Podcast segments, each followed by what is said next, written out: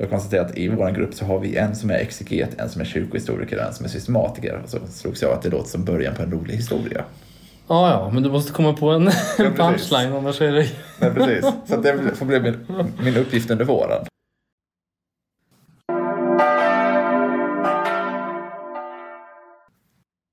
Både på min dator och på min mobil så blev det ett rött streck under försonaren.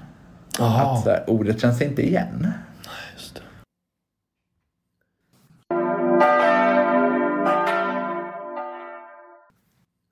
Jag har sagt det förut i den här podden, jag väljer att säga det igen nu då. Eh, Det är, mycket, det är ju det vi gör i väldigt hög grad. Vi påminner om vad vi själva har sagt.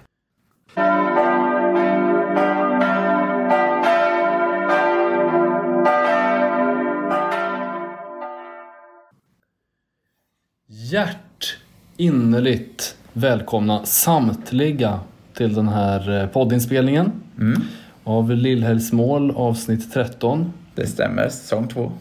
Verkligen. Linus Forsberg sitter där bredvid mig. I egen levande person.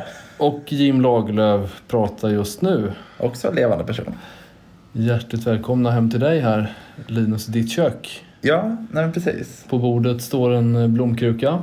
Mm. Eh, ska vi se en eh, lampa där. Ja, precis. en hushållspappersrulle. En bluetooth-puck. Ja, just det. Det är det det är. Och eh, mikrofonen som vi använder idag, min mobiltelefon, den ligger ovanpå ett gäng eh, bibelkommentarer. Jo, precis. Har du läst alla de här böckerna? Eh, nej, jag har inte sträckläst dem. Jag har kollat i dem där Ja, jag visst. har funnit ett Ja, man sträckläser sällan bibelkommentarer. Läser du mycket bibelkommentarer annars nu när du pluggar och så? Ja, men det blir en del. Mm. Och även men inför predikningar och annat så Ja, just det. tycker att det finns När du förbereder dig. Ja. Är det någonting du rekommenderar eller känns det mer som att det är så här man gör? Eller har du valt det här själv? Eller hur? När du förbereder dig, när du skriver en predikan? Ja, nej men jag... eh, Jag ska säga att för mig, jag, jag är väldigt selektiv kring det. Det beror lite på om jag själv känner att jag hittar ett tilltal i, i texten som jag känner att det här Mm. känner jag att det här vill jag verkligen predika kring. Och likadant när vi förbereder de här avsnitten. Ibland så läser jag texten och känner direkt att men det här är är det jag vill prata om och då kollar jag inte upp någonting alls. Eller så känner jag att det står ganska still och då Ja, söker jag just. inspiration. Men så försöker jag, jag vill ju aldrig kopiera en kommentar utan Nej, jag nej. ska ju snarare öppna liksom mina tankegångar. Som lite bakgrund eller som inspiration eller så. Ja, nej, men precis. Ja. Om man känner att någon detalj kan man väva in. Men, När man pluggar också exegetik, alltså Mm. bibelvetenskap eller så, då är väl tanken att man ska förhålla sig till det som redan är tänkt. Så är det med all forskning. Man ska liksom ha koll på vad har alla tidigare före mig sagt och tänkt Ja. och sen kan man eventuellt formulera en egen tanke. Jag har inte läst så jättemycket bibelkommentarer har jag tänkt på ibland utan Mm. jag har läst mer dogmatik Mm. ehm, och intresserat mig väldigt mycket för dogmatik. Det kan, det kan man ju ha den synpunkten hade jag någon gång för länge sedan när jag precis hade börjat läsa Bibeln att jag tyckte att teologerna ibland, de läser Bibeln för lite. Mm. Men det vet jag inte alls vad de gör. Det är, det är snarare frågan om hur man läser. Med vilka glasögon. Ja, men precis. Ja, nej, men jag är ju också mer dogmatiker eller systematiker överlag. Mm. Jag konstaterade det häromdagen. Jag läser ju på Svenska kyrkans utbildningsinstitut nu också. Och då, Mm. Jag konstaterade att i vår grupp så har vi en som är exeget, en som är kyrkohistoriker och en som är systematiker. Och så slogs jag att det låter som början på en rolig historia. Ja, ja, men du måste komma på en, precis. punchline annars är det... Nej, precis. Så det får bli min, min uppgift under våren. Ja, jag tycker det är kul med den här bilden. Du vet, man brukar ju säga att det var en präst, en rabbin och en imam som gick in i en bar. Mm. Och om man säger det på engelska eh, och om man ser den här bilden framför sig när de går in i en, sån, i en, så säga, en, en järnbar helt enkelt Mm. och slår i huvudet.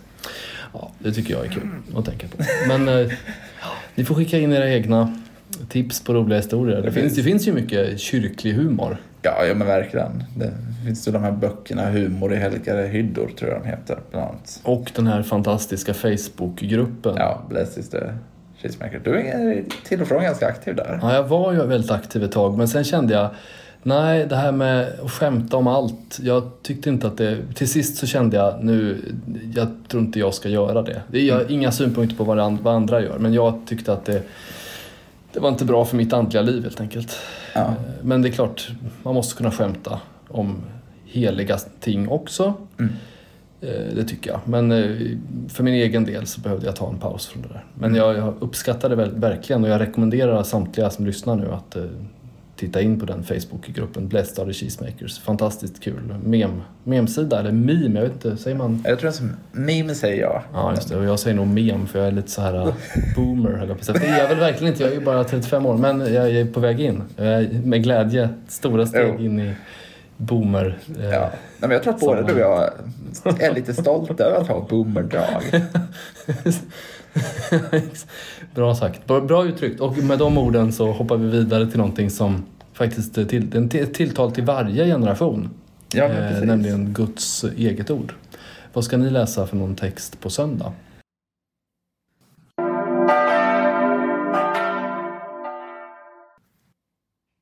Ja, men nu på söndag går vi in i femte söndagen i fastan och då är det under rubriken Försonaren. Och vi läser från Markus evangeliet 12, verserna 1-12.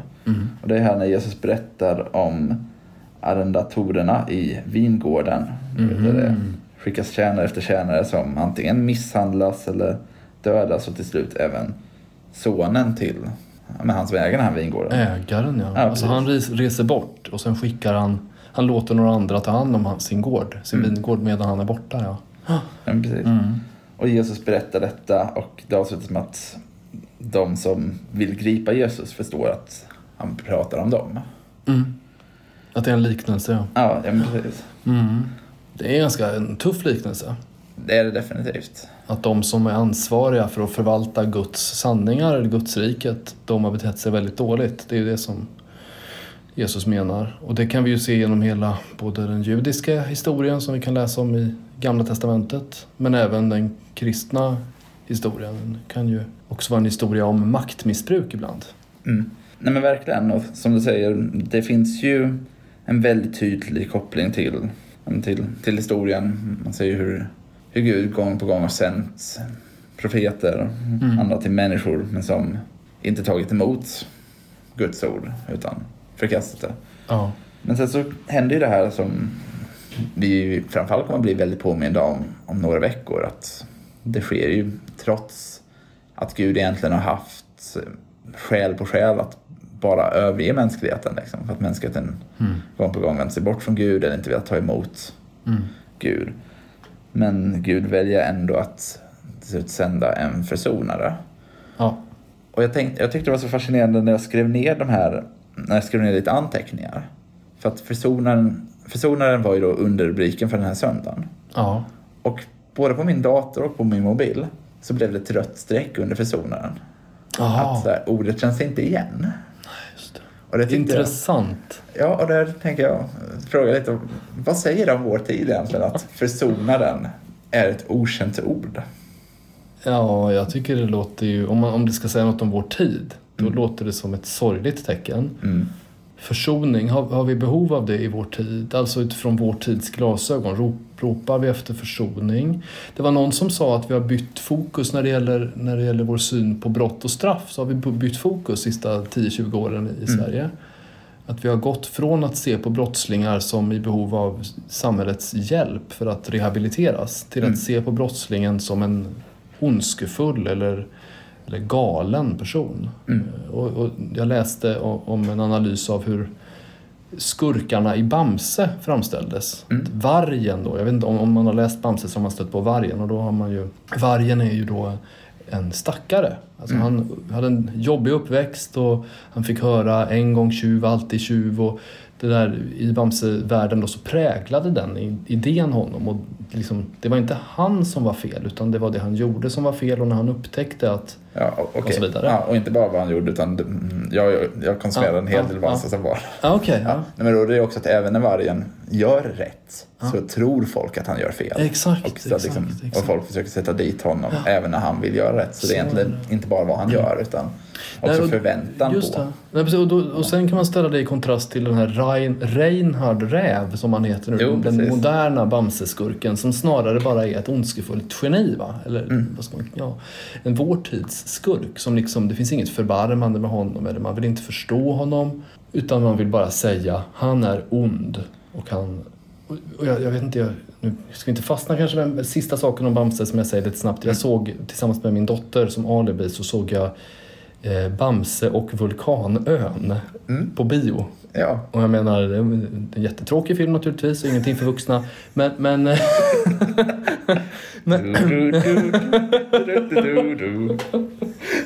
men, men där var det samma sak. Alltså den elaka personen som heter Katja Katt där. Hon blev aldrig snäll. Eller det hände aldrig något som gjorde att man tänkte när man var snäll mot henne då blev hon också snäll. Som är den här gamla vanliga Bamse-etiken, eller vad vi ska kalla det för. Alltså det är jag van vid, att Bamse är snäll mot de elaka och då blir de också snälla. Eh, Jag är uppvuxen med den idén. Mm. Men är det så idag? Nej, men jag, tror, jag tror att du är inne på någonting väldigt viktigt. Jag tänker... Men det var för några år sedan minns jag att dåvarande rikspolischefen försökte ge sig in i det här gamla resonemanget när man pratade mycket om, minns inte vilket, vilket brott det var då, men då försökte han också lyfta på men vad det gör att folk begår de här brotten. Liksom.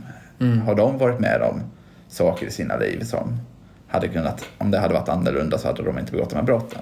Och han fick ju jättemycket kritik Ja. för det uttalandet. Så jag tror att du är helt inne på det att vi, tänk, vi har verkligen släppt den här försonande, den försonande etiken.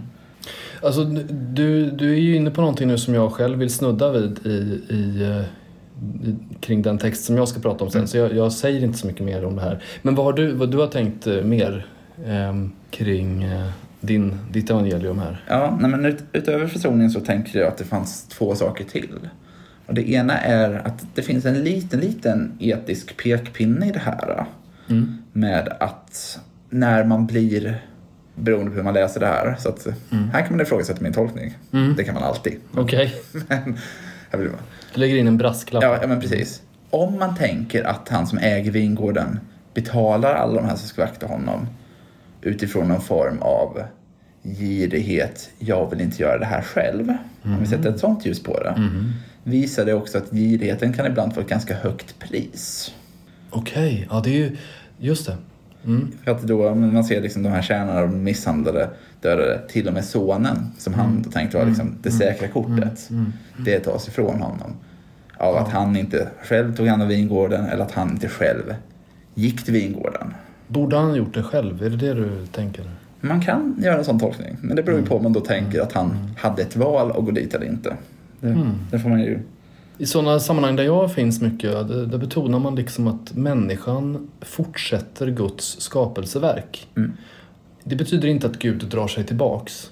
Gud är fortfarande den som uppehåller allt. Eh, Alltså han är liksom det närvarande nuet. Han, han, är, han är alltid här och uppehåller hela världen ständigt och han kan när han vill stänga ner allting. Eh, Om, om han vill, det vill han ju inte. Eh, Men man betonar verkligen så att säga människans... Alltså vi är Guds barn, vi är Guds arvingar, vi är också Guds medarbetare. Mm. Och jag har sagt det förut i den här podden, och jag väljer att säga det igen nu då. Eh, Det är, mycket, det är ju det vi gör i väldigt hög grad. Jag påminner om vad vi själva har sagt. Men eh, jag påminner om eh, biskop eh, Esbjörn Hagberg i Karlstad. Han hade ju som sitt valspråk i försoningens tjänst. Och i den betydelsen också kanske i försonarens tjänst. Alltså eh, som, som troende kristna, som kristna, som döpta, så, så är vi i Guds tjänst. Alltså vi är hans medarbetare på riktigt. Och när du kommer att vigas till präst i Svenska kyrkan, då kommer efter vigningen biskopen säga till församlingen, ta emot jag vet inte om man kommer säga Linus eller om man kommer säga de här personerna, alltså präst- de nyvigda, som Jesu Kristi sändebud. Mm.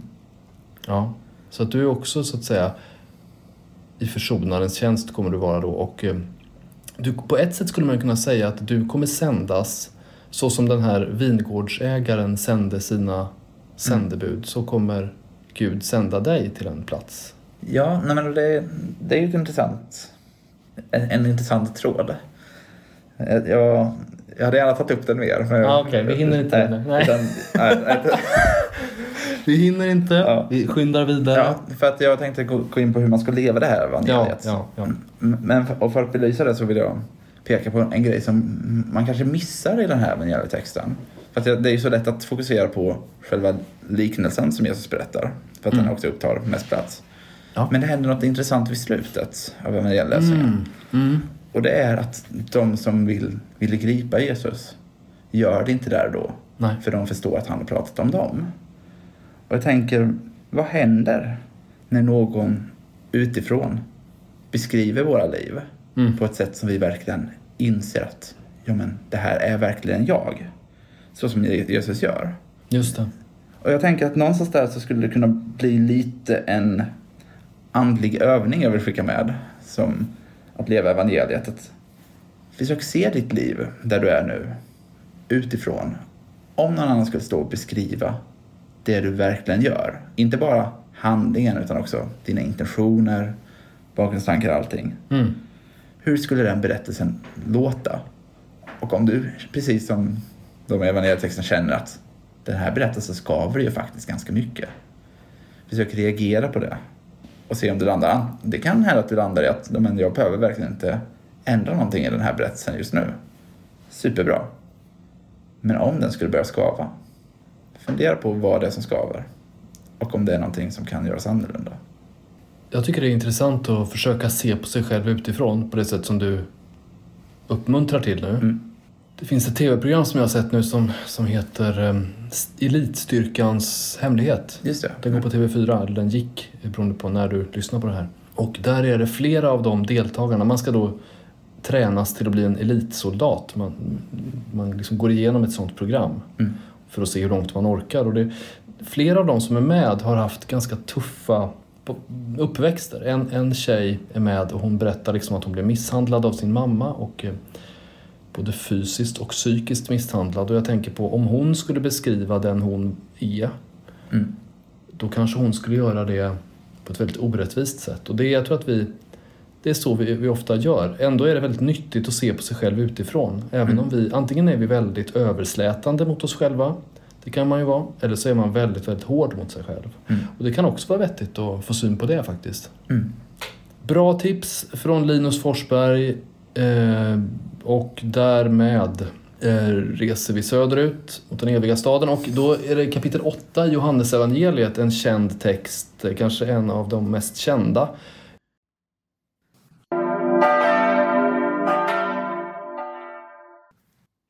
I Johannesevangeliet nämligen Jesus är på tempelplatsen. Det kommer ett helt gäng Mm. söker upp honom och de har en kvinna med sig som kallas för äktenskapsbryterska. Mm. Och de har något annat med sig också, de har stenar i händerna. För Mose lag säger att eh, en äktenskapsbryterska har man rätt att stena. Det är straffet för att bryta ett äktenskap, att dö. Och eh, de passar på att sätta Jesus på prov, för Jesus har ju blivit en populär förkunnare och eh, många vill lyssna på vad han säger. Han är också ett hot mot den, den judiska religionen eftersom han har jättestora anspråk, att han säger att han är Guds son och sådär. Och då säger de till honom, vad ska vi göra med den här kvinnan? De ger honom på ett sätt det omöjliga valet. Du som är en sån förlåtande och ödmjuk, kärleksfull person, ska vi följa Guds lag eller ska vi inte göra det? Ja, och hade Jesus sagt jo, vi ska följa Guds lag, ja då är det så här att då hade romarna eh, antagligen gripit honom för att man judarna hade inte rätt, som de själva säger längre fram, att, att döda någon. Det är bara den romerska makten som kan det. Och hade han sagt nej, vi ska inte döda henne, vi ska inte stena henne, då hade han ju så att säga sagt emot Guds lag. Så att de hade tänkt ut en fälla Mm. för honom. Och jag tror att alla vet vad Jesus svarade. Till och med min, min mamma som inte var troende alls berättade för mig det här när jag var barn. Mm. Att Jesus ju säger de här fantastiska orden, den som är utan synd kan kasta första stenen. Eh, Och vi som är kristna, vi vet att Jesus är utan synd. Han skulle alltså kunnat kasta den första stenen och det gör han ju i den här eh, kinesiska, kommunistiska bibelöversättningen som har kommit för några år sedan. Då, då väljer Jesus att kasta en sten på henne. Men det, det gör han inte i, i grundtexten. Nej. Tack gode gud. Ehm, nej, han kastar ingen sten och det gör ingen annan heller för de, de märker att nej, vänta lite nu. Vi verkar inte kunna utföra det här för det, vi har inte det mandatet helt enkelt. Mm. Och därför tänkte jag fråga dig, hade du kastat... Nej, jag bara skojade. jag skojar. nej men det här att... Jag trodde faktiskt du skulle ställa en fråga på Nej, innan nej, du ställde ja, den. då får du gärna svara på det. Nej. nej. nej, som att jag inte hade kastat. Du hade inte kastat? Nej. Nej. Det finns en sån här rolig historia man kan säga så här att Jesus eh, efteråt när alla har gått därifrån så säger han vad skönt att inte min mamma är här. För att eh, enligt katolsk tro är ju även Jungfru Maria eh, fri från arvsynden skuld. Ja. Men strunt i det nu så att säga. Eh, Efteråt så säger Jesus inte heller jag dömer dig, gå och synda inte mer. Det är ju mindre känt. Alla vet Mm. att han säger den här första saken. Den som är utan synd, kasta första stenen. Men han säger också gå och synda inte mer. Mm. Det är hans approach gentemot oss syndare. Eh, På ett sätt gäller det inte bara för kvinnan, det gäller ju för oss alla. Mm. När vi har blivit ertappade med en synd. Ja visst, Gud kommer inte att kasta sten på oss för att vi har syndat. Han vill ju förlåta oss. Mm. Men hans uppmuntran till oss det är gå och synda inte mer. Men jag, jag tänkte på det här med skillnaden mellan att döma och fördöma. Mm. Tänker du att det är en skillnad på, på det? Ja, nej men definitivt. Jag försöker tappa nu lite var jag tycker att skillnaden ligger. Jag skulle nog säga att ja, jag skulle nog säga att fördöma blir... Nej, nu blir jag osäker på vad jag tycker faktiskt. Då Spontant. klipper vi bort det. Ja, precis. Nej, skojar. Ja. Men spontant tänkte jag att fördöma var mjukare, men sen när jag tänkte mer på det så tänkte jag att det kan lika gärna vara hårdare. Så jag, Ja. jag blev så kallat kluven. Ja men exakt, jag tycker också det är svårt. För jag, jag tror nämligen att det Jesus menar här är att han inte fördömer henne. Mm. För fördömer tycker jag låter hårdare och att man liksom dömer till döden. Mm. Och eh, när Jesus säger vi ska inte döma, det är ju en approach som han har. Han säger ofta det, döm inte så blir ni inte dömda och så. Mm. Då menar han antagligen fördöm inte, alltså döm ingen till döden. Mm. Eh, och det kanske låter drastiskt, varför skulle han mena det? Jo, för det är ju det så som den mosaiska lagen är uppbyggd. Det är liksom, antingen är du inne i gemenskapen och då, då är du liksom i Guds folket och då är du, har du gemenskap med Gud. Eller så är du utanför gemenskapen och då är det kört för dig. Och Jesus menar alltså, fördöm inte någon människa. Alltså, ta inte en människa och flytta ut den i hopplöshet. Eller säg så här, den här människan är det ute med. Eller den här människan, den är, är det kört för. Mm. Utan Jesus har snarare approachen, det är inte kört för någon. Så länge vi lever finns det hopp. Och det var det jag tänkte på när vi pratade om kriminalpolitik förut. Att det liksom, hur ska vi se på människorna som syndar? I vår tid är vi nästan tillbaka i det här läget, stenkastarläget. Ja. Gör du ett allvarligt fel, då är det tack och adjö. Mm. Då är det hej då. Du kan aldrig, du kan aldrig få försoning eller förlåtelse. Vi, vi fördömer, så att säga, Mm. ofta. Nej, det är klart man får säga vad man tycker och tänker. Så döma kan ju vara att jag säger så här, eh, den bollen kom utanför, Mm. den bollen kom i. Eh, om jag är fotbollsdomare. Eller jag kan säga, eh, min dom är att här, den här uppsatsen ska få det här betyget. Eller jag säger så här, det där var inte så bra gjort. Eller det där var inte så snällt gjort. Eller det där var snällt gjort. Mm. Det tror jag vi får lov att göra. Mm. Tillrättavisa varandra. Men däremot fördöma, att säga så här, du gjorde fel och därför är du, är du körd. Du gjorde fel och därför är du ute med dig. Det är det Jesus riktar in sig på. Mm. För han säger, ja det var fel. Du är en syndare, gå och synda inte mer. Mm. Du får förlåtelse, inte heller jag dömer dig. Men du, du är inte körd. Det är precis som Kain. Mm. Gud dödar inte Kain när han har mördat sin bror. Mm. Gud dödar inte Adam och Eva när de åt av frukten. Det kommer alltid nya chanser verkar det som. Mm. Eh, Och det, det kan jag sakna lite angående din fråga om försonaren. Mm. Det kan jag sakna i vår tid. Vi lever i en tid med bara en chans. Lite så är det ju. Så hur ska man leva det här evangeliet? Ja, precis. Jag, jag tänker att man ska be om att ha Jesus sinnelag. Mm. Alltså, det är det här med omvänd dig, säger Jesus. Omvänd er, himmelriket är nära. Och ett annat ord för omvändelse är liksom byt sätt att tänka eller ändra ditt sätt att tänka. Mm. Eh, Och det är kanske ganska vettigt. Och Paulus talar om att ni ska, ni ska till, försöka tillägna er det sinnelag som Jesus har. Mm. Så det, det är klart, vi vill gärna döma ut och döma. Det är liksom en konsekvens av syndafallet. Det är den enkla vägen. Men Jesus har en annan utgångspunkt och det kan vara veckans viktigaste bön. Att be om att få Jesu sinnelag. Det- en av det är en bra viktigaste. Ja, jag tror det. Det var någon som påminde om att eh, om du har svårt att förlåta, be att Gud ska byta eh, ut ditt hjärta mot sitt hjärta. För han har inte svårt att förlåta. Mm. Mm. Med de orden då, eh, som ändå det fanns en röd tråd genom hela avsnittet det här, svensk kriminalpolitik. Vi, annars tar vi, inte så mycket politisk ställning i den här eh, podden. Det har vi inte gjort nu heller idag, men vi gav lite, lite perspektiv i alla fall. Mm, precis. Eh, med de orden då, tack så jättemycket Linus för den här veckan. Tack Kim. Vi hörs igen.